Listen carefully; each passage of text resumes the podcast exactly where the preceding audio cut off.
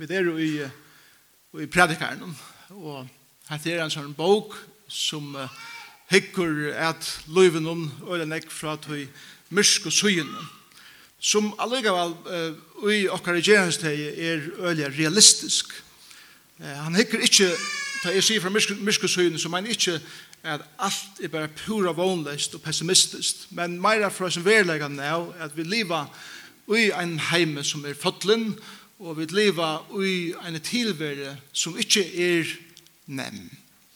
Og han hikker at løven fra en perspektive utan god i de første kapitlen som, som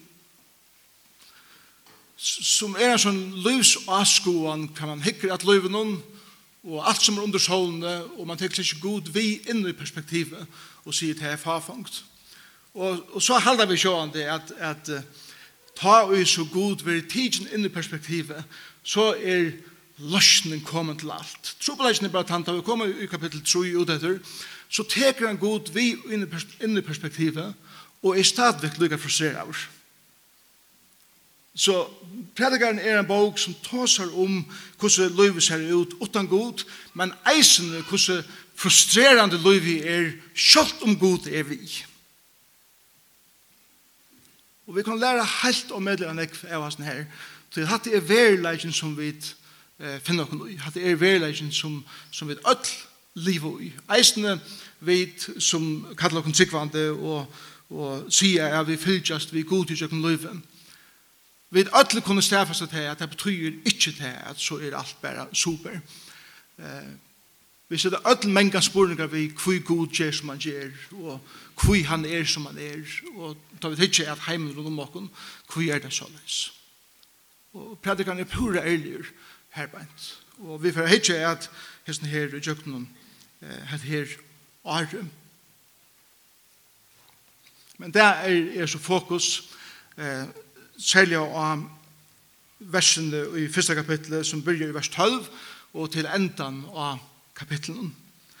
Og jeg tykker vi ødel kjenner til dette her i løyven hvordan stuttelig det er ta og vi tar hva avrika neka i løyven. Um, ta i bøttene er livet kjenta flokk. Wow, nu er bøttene lever. Nu fer det i. Og så kommer det her til hver til liv i nudjenta eller tutjenta flokk. Og så får det jo prekk ved handa, og, og vi gjør en ekkos urtøy, og myndatøker, og alt det her. Men så får det jo student, etla, ut av handelsskolan, etla, onkra min om skolan, til at det er sjående det som vi ødel gjør. Og hvis man ikke får student, etla, i min om, så får man lære, så leis at tru år settene, så feirar vi et minnamsprekk, etla fyra år settene, så feirar færa vid et sveinapregg. Og selv om det har et atterfest ta, og, og det, er, det er fantastisk. Og vi gledes om at suttje akkurat bøten eh, få sine oppbygninger. Men ta i studenter liv, så, så er sjølvande eh, meir at tryne ui. Så fer man eh, av universitet, og man får en bachelorgrad, og det skal the fire 16. Men ta og jeg finner en bachelorgrad, så the må how ha EU-bygningen for jeg kunne gjøre en kandidat, for jeg kunne få det arbeid som jeg så ferie vil hava, og så tar jeg finner kandidaten, så sjående skal ta eisene feiras Og, og livet er fullt av sånn her, at nå er mer og mer. Og så er det noen som sier, kandidat, ja, men det arbeidet som, som uh, krevst, som jeg skal gjøre, krever en, en, en doktor akkurat. Og, og tøy vi er nødt til at affære alle veien å få en doktor akkurat. Og, og det tøy at jeg gjør det til at, at arbeidsommerlutene krever virkelig det. Sjåvann det videre til oss Det Man må ha en doktorgrad for at vi er lutene. Det er fett. Det var om å skrattene jag läste leste för det är en två år sedan. Førjeborstalen ger grinn på seg ur forskjellige som går fyrir i samfunnet. Og så var det om lutene.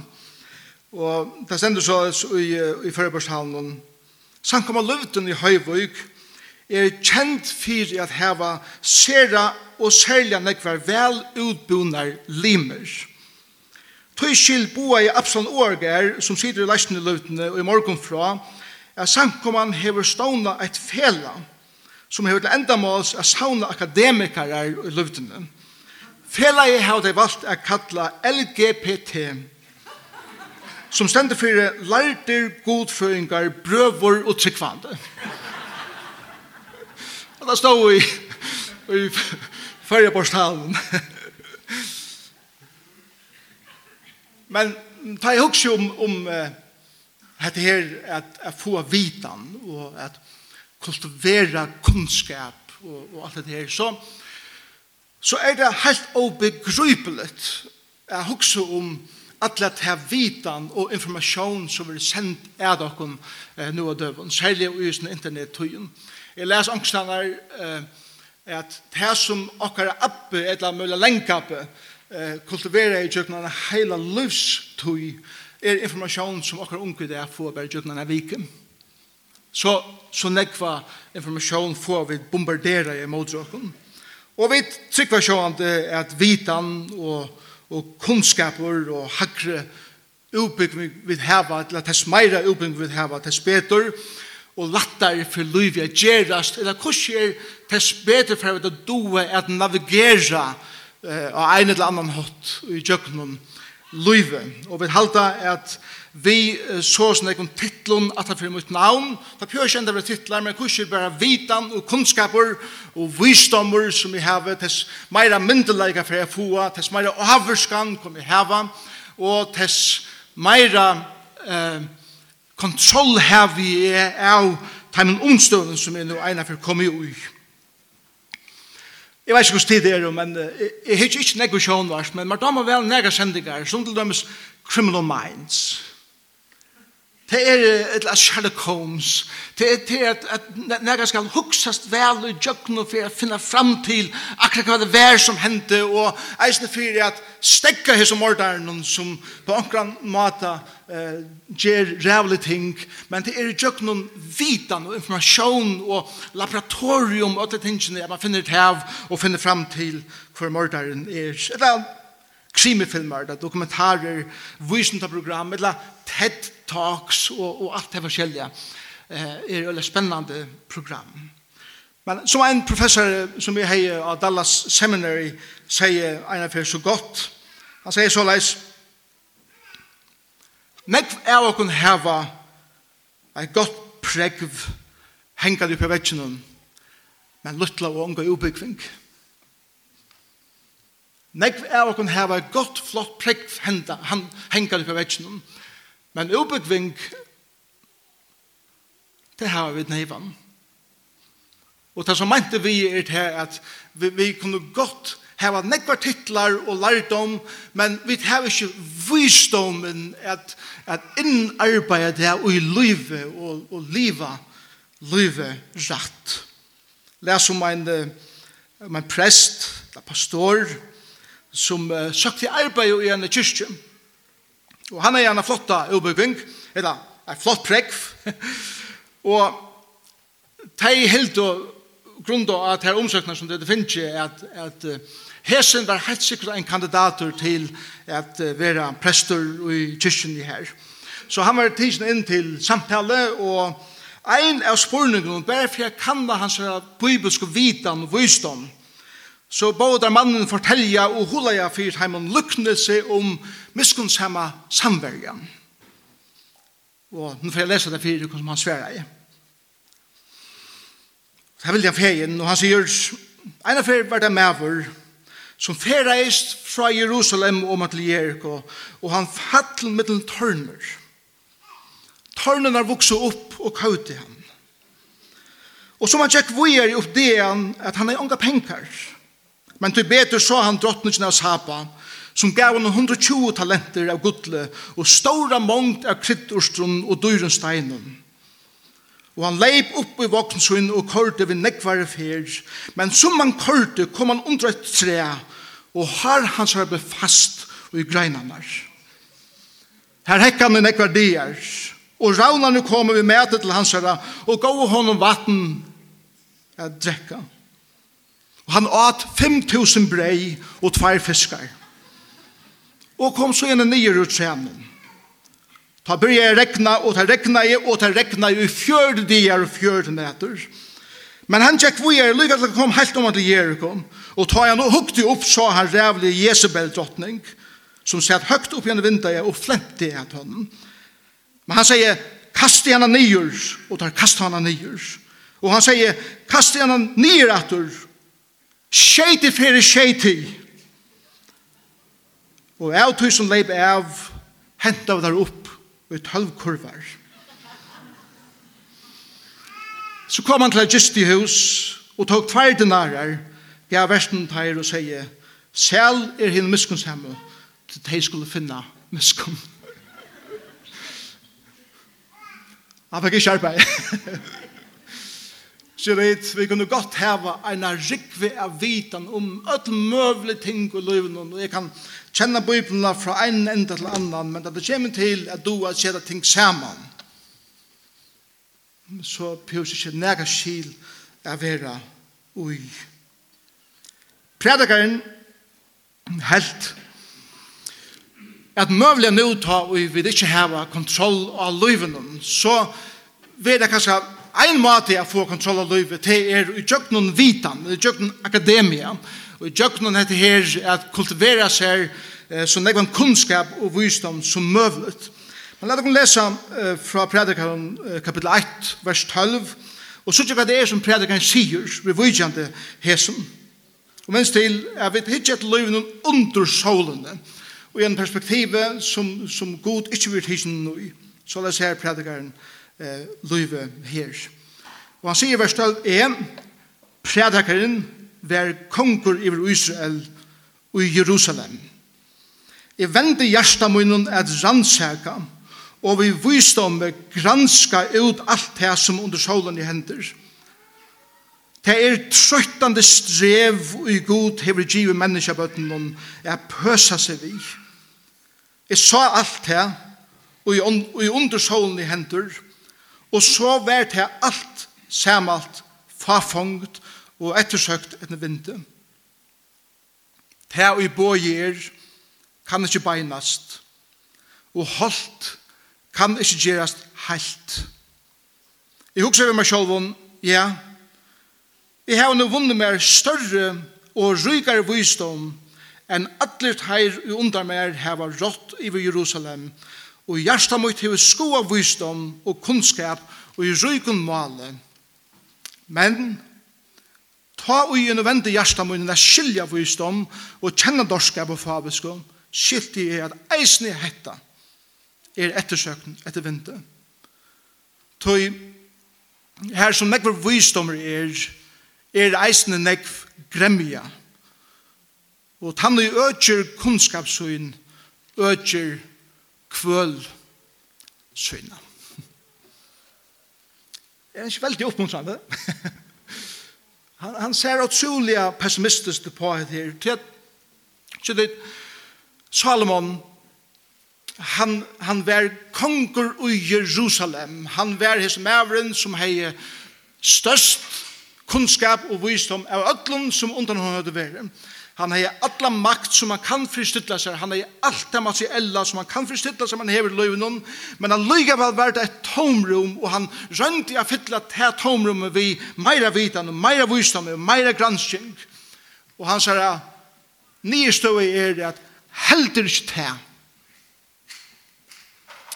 För att fylla det här tomrummet som er i min sal. Som bara kan fyllast vid tog som god kan gjeva. Men han leitar ikkje her enn.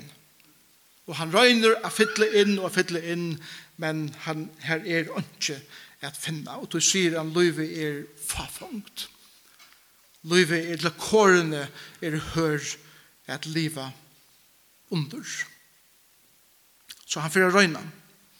Jeg som er avverst fyrir de som er bare interessera er at ui, ui, vers 12 brøytist um, teksteren fra å være i tre personer nå til første person er predikaren hver konkur iver Israel og Jerusalem. Så nå får han ta seg vi åkne om Fest, de første versene er de generelle versene at vi styrer ånken som rundt om åkken, og så får han fortelle åkken nå hva han så gjør det vidt her.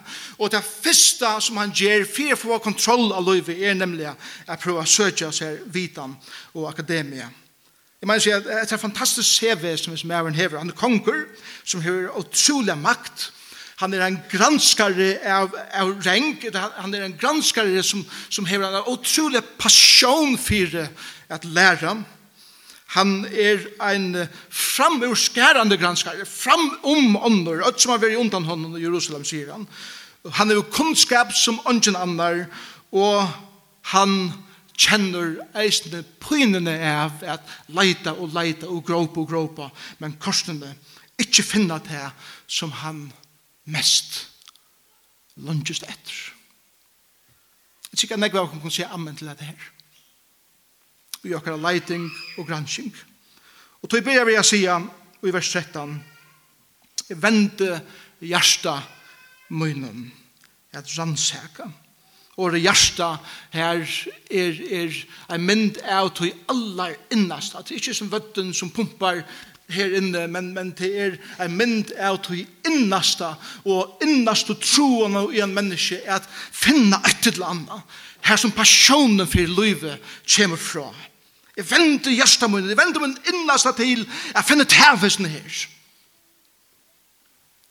Og hvordan gjør han til? Han gjør det gjør den akademien Og han sier er for at rannsæka, at året rannsæka er at år som, som hever vi til er gjøre, er koma til rådene av tog som er gransjen. Ikke bare lykke at, at bare hitje et irflatene og så bare koma nøglunda til det, men han får velja inn ui evne, og han får helt nye til rødene og kanna i det, og testa i det, velja. Jeg kommer inn til chattene av tog som er granska i. Og så sier han, Det var, det var rannsaka, men jeg granska i eisen. Og å granska, det året som er brukt her for å granska, er at lære at hitje at en evne fra øtlun sjånarvinklen. Så ikke bare at jeg får nye i røtene av oss her fra ene vinkle, men jeg får nye i røtene av oss her som granske fra øtlun perspektiven. Det er en god granskare, ikke det? Ein som ikke bare binder seg til det som han langt er samfunnsrom og for å granska, men som eisende tårer at hitje er antitesen av tog som han røyner av stedfesta, og tårer er sida og peika og at jeg skiljer eisne til som er motargumentet for tog som er røyner er sida og er funnet av, og han hikker at öllum perspektiven og er åpen og ærlig om at vera testavers. Ein og kvør som hever vært i skola og skal gjøre noen struje at skriva oppgaver og verja rikjerer og alt det her kjenner til pynene og kjenner til prosessene og og kjenner til irritasjonen skulle fære og i djøknen hese tingene. Og jeg vente og dreie og så sendte man det inn og det kommer atter fullt vid reion og, og syken og djøknen og ikke godt nok og så vi er gjør det ombatter og gjør det beter argumentere beter og alt som, som har gjort til jeg synder av seg på innene som Salomon sier her og han sier at det er granska i kunnskap og visdom. og Målen av kunnskap og visdom kan være at kunnskap er meira hva er hettar. Visdom er meira hva bruker dette til. Kunnskap er meira at her få vitan i høtte. Hva kunnskap er meira hva gjer i vitana som er fag i høtte og hvordan utfører henne inn i livet. Det er det som Salomon rønte å gjøre. Og så sier han i vers 13 det er trøttende strev og i god til å give menneskebøttene er pøsa, ser vi. Og det året pøsa, det er det er det er året hvis du ganger hvis du er til utrått hvis du er til utrott med eller kvinna, så fikk hva skjørst du en mann eller en kvinne som hever eh, litt så nekv, eller runde så kjøtt, eller runde så lengt. At har det stekka så, at har en samtale vidt deg, det er ungen chanser. Så det er tiva så utla, og svarten leker av, og så videre. Og det er det året som er brukt her. Det er personer som er fullkomlige ut av og, og klarer ikke at anda nästan så tröttar jag han. Och till det som, som uh, Salomon säger, att till det som jag känner, han är personen som röjner att finna, men inte finner korsene. Og det er mye strev som god har givet människor att pösa sig vid. Så det er det første for god vi nevnt i predikaren vi navnet, og første for god vi nevnt i predikaren vi navnet er en akæra. Vi måtte god.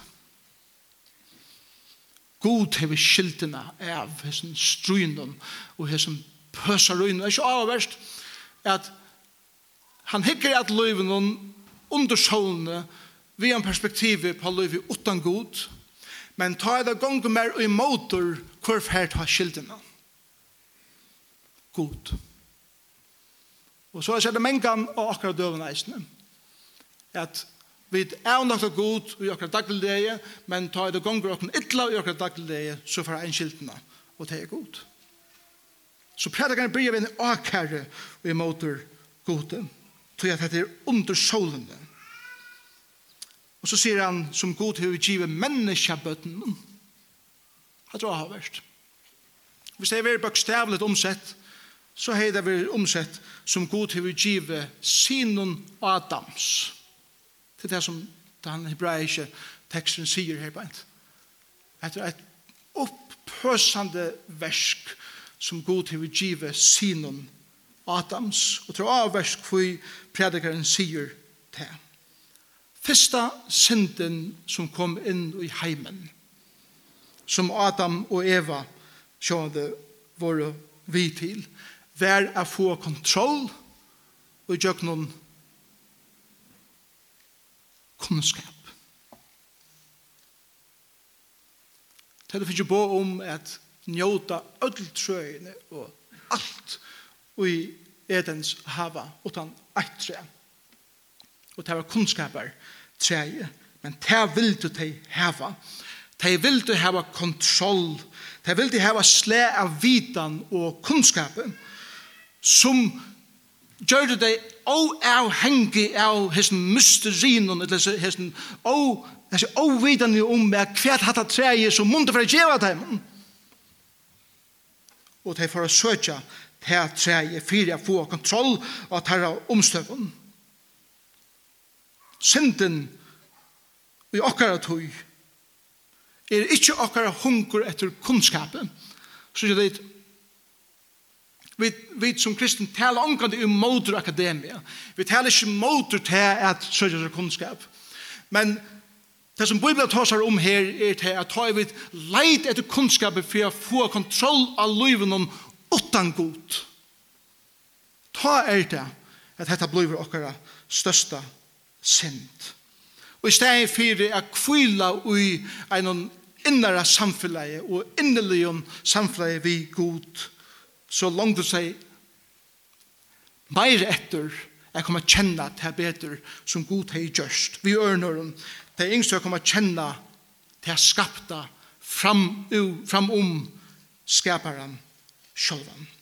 Og så leis fotel teg og synd. Og så sier vers 15 Ta i boi er kan ikke beinast og holdt kan ikke være helt. Og det er veldig flott myndatala som predikeren bruker her bænt. Kunnskapet gjør dere innlitt. Kunnskapet gjør dere forklaringar om hvor det som er bøkt, er bøkt. Eisen rent fysisk. Vi kunne hitje av ting som er bøkt, av materialet som er bøkt, og vi kunne forklare hvor det er bøkt men vi kunne ikke gjøre det beint. Vi kunne forklare vi ting er holv, men vi har ikke kapasiteten og makten til å gjøre det helt. Vi kunne vite teorier om alt mulig, hva ting er som det er. Og det er det som kunnskaper gjør oss innledd nå i å kunne forklare hva Men avmarsingen til akademia og til kunnskapet og hvordan vi er, er kunne gjøre noe vitt det ultimativt. Ja, absolutt, vi kunne gjøre nekv ting, og vi har funnet fram til at møvlig ting som gjør livet lettere for dere og bedre for dere, og nytt medisin vil utvikle som kan bjerga menneskene, men nutjar sjuker og nutjar hendingar og nutj bojen ting blå vi a koma og vi kommer omkant det her til kan vi heva kontroll og det som er holdt derfor er vi omkant det klare er gjerra helt. Og er det ikke som så er det ikke at akkurat løyve. Sjuka reker okkur. Hendingar reker okkur som vi ikke kontroll heva av. Og det som så utlevera så beint i løyven, det som utlevera at gøtan vær så bein, knapt knappla løyver hun så bøyen, at jeg nesten ikke klarer gengarna sjolvor, og jeg kan ikke gjøre vitte. Jeg kan forklare kvøy, og jeg kan heva teorier atan fyrir kvøy, men jeg kan ikke gjøre vitte. Knapplega veri løy i tjokken skåre av i helt. Og jeg kan ha alla noen kvøy, men jeg kan ikke gjøre vitt det. Ta i min mætje vil tisjen fra meg. Eller onkur som vi elskar og medelig høgt, og hans er løsleiver kvette av. Eller førleikane tja okkur som vi heva i det, kunne i morgen være kvetter av nir helt. Og jeg kan forklara kvui, men jeg kan ikke gjøre vitt det. Du kan eida BA, du kan eida MA, du kan eida PhD, eller lyga mykje kraft titlar du hever, du kanst ikke gjera vi det som er bøye a gjera det beint, eller det som er holdt a gjera det heilt. Ikke. Og det er det som Salomon sier, det er det som er fafangt. Hvis jeg søker meg kunnskap og vitan for jeg kunne gjøre noe av ved tingene, så kommer jeg unga lei. Og tog er det fafangt. Jeg kan ikke gjøre vi det. Så sier han i vers 16, Og jeg også vil sjåle, ja, nu har jeg vunnet meg større og rykere visdom enn etter teir under meg her i Jerusalem, og hjertet mitt har skoa visdom og kunnskap og rykemal, men ta og nu har jeg vent hjertet mitt er skilja visdom og kjenne dorskap og fadersk, og skilti er at eisen i hetta er ettersøkn, etter vind. Skjønner det?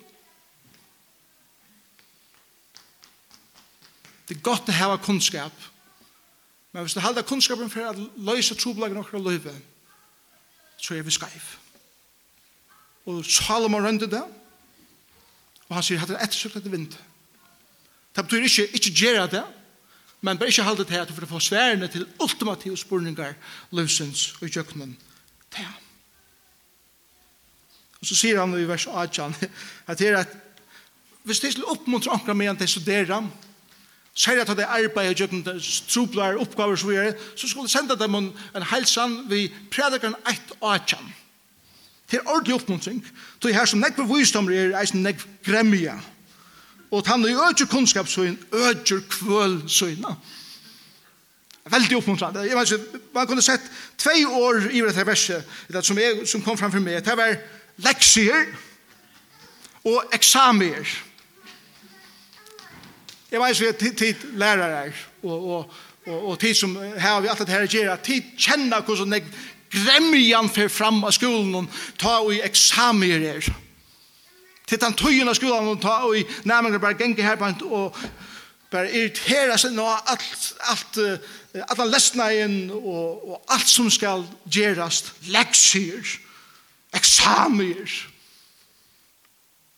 Og til en øylig gremjen. Så, hva gjør jeg vidt? Vidt her. Vi fer hava en tale settende enn for vi vet om akademi av goden. Vi fer komme inn av noen ting til å selge eh, hva akademi er og hva det gjør vi og så videre. Jeg skal ikke fære så enn jeg tar veien i det. Men de sier noen ting som jeg endte i det. Som jeg halde er Salomon lærer konjøksversene. Nummer 1. Kunnskaper og vitan tjev okken innlid i livet, men ikkje kontroll av livet. Kunnskaper og vitan tjev okken innlid ui løyve, og jeg halde jeg vet eia søkjat her vi en passion. Det halde jeg. Vi skal bare minnes det at det gjør ikke kontroll av livet. Nummer 2.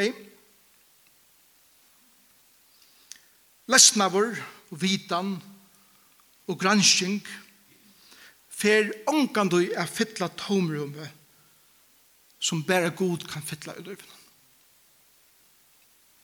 Augustin, kyrkjefæren, han sier det, eller han var kursus studerer for jeg har sagt det, at God hever lagt et tomrum i sal menneskjans, og det er ikke fri i løyve for en god hever fyllt det rommet. Trobla ikke sjokk menneskene er til at vi gengar rundt og sjokk alt løyve og røyna fylla det tomrummet vi ødde mølen øren som Salman eisen fra Vysakken og i fylgjene kapittel. og vi røyna fylla inn og vi røyna fylla inn men det blir fer bare nye svart hål til det er bare ein som kan fylla det rummet og det er godt. Nummer 3. Salomon lærer ikkje anti-intellektualisme.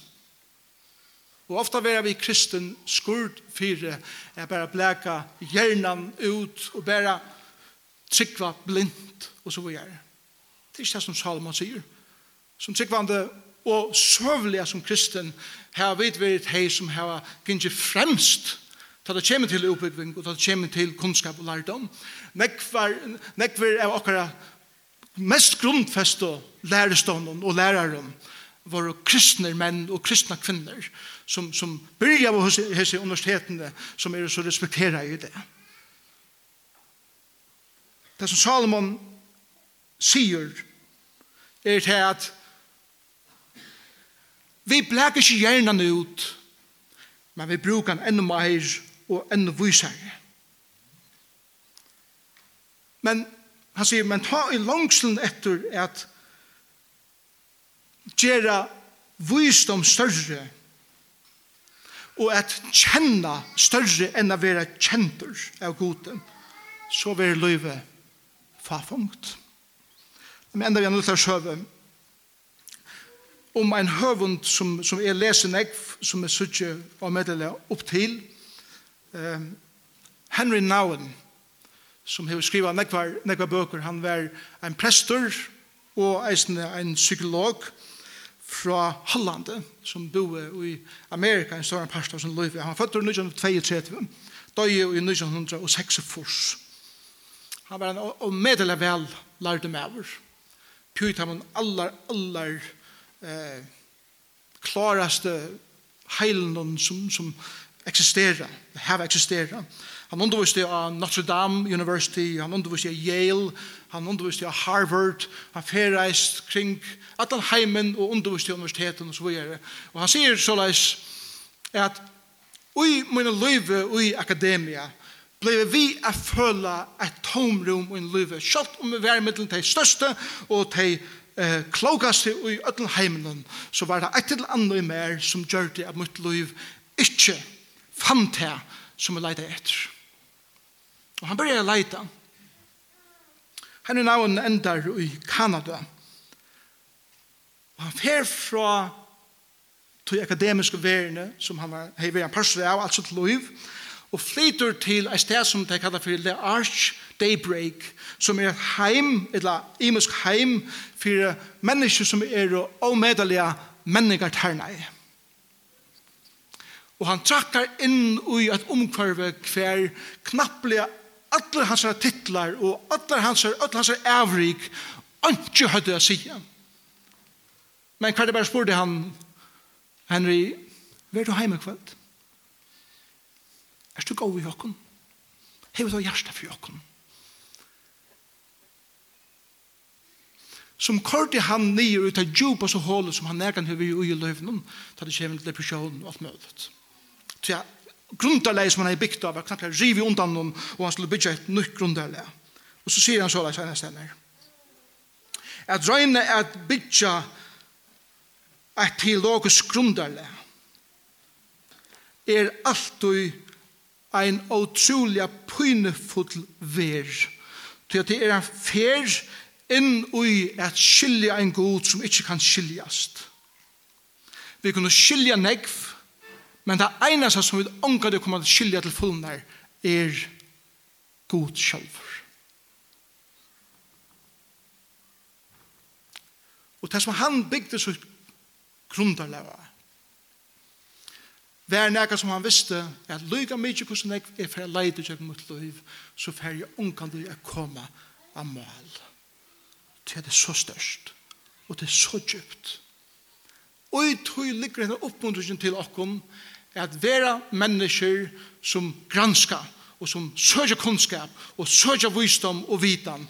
Og vi eier vera fire myndelig herbeint samtidig som vi tår å si at derfor ikke svære men en djupast langsen i løyvenen tog at leiden etter gode for å være en livleng leitan, som du omgang du for å være nøgt til å nøgt vi, men personen som god legger ut til å leite til hånden, for å være her mer og mer.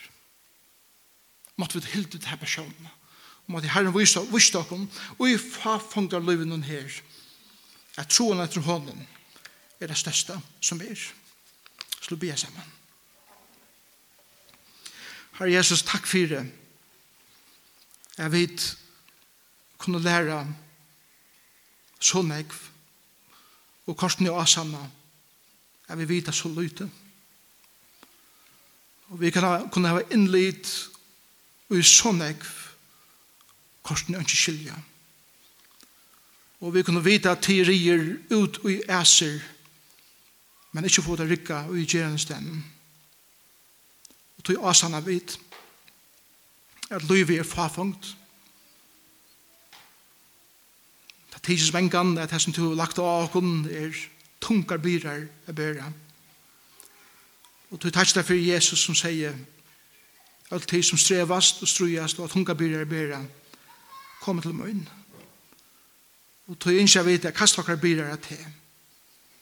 Og tækka tøyt og og tøyna byrar som er løtt a bæra. Og takka deg fyrir at du ber sammen vi jokken. Amen.